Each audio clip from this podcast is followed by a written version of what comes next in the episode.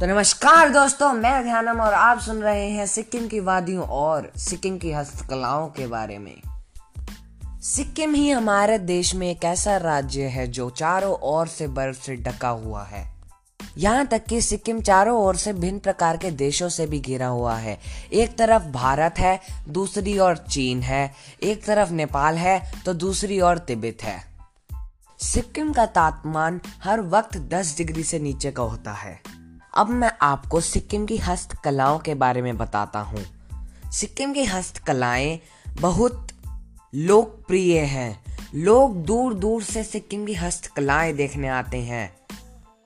सिक्किम के लोग अपनी हस्तकलाओं का बहुत प्रयोग करते हैं। वह कपड़ों में अपनी हस्तकलाओं का प्रयोग करते हैं।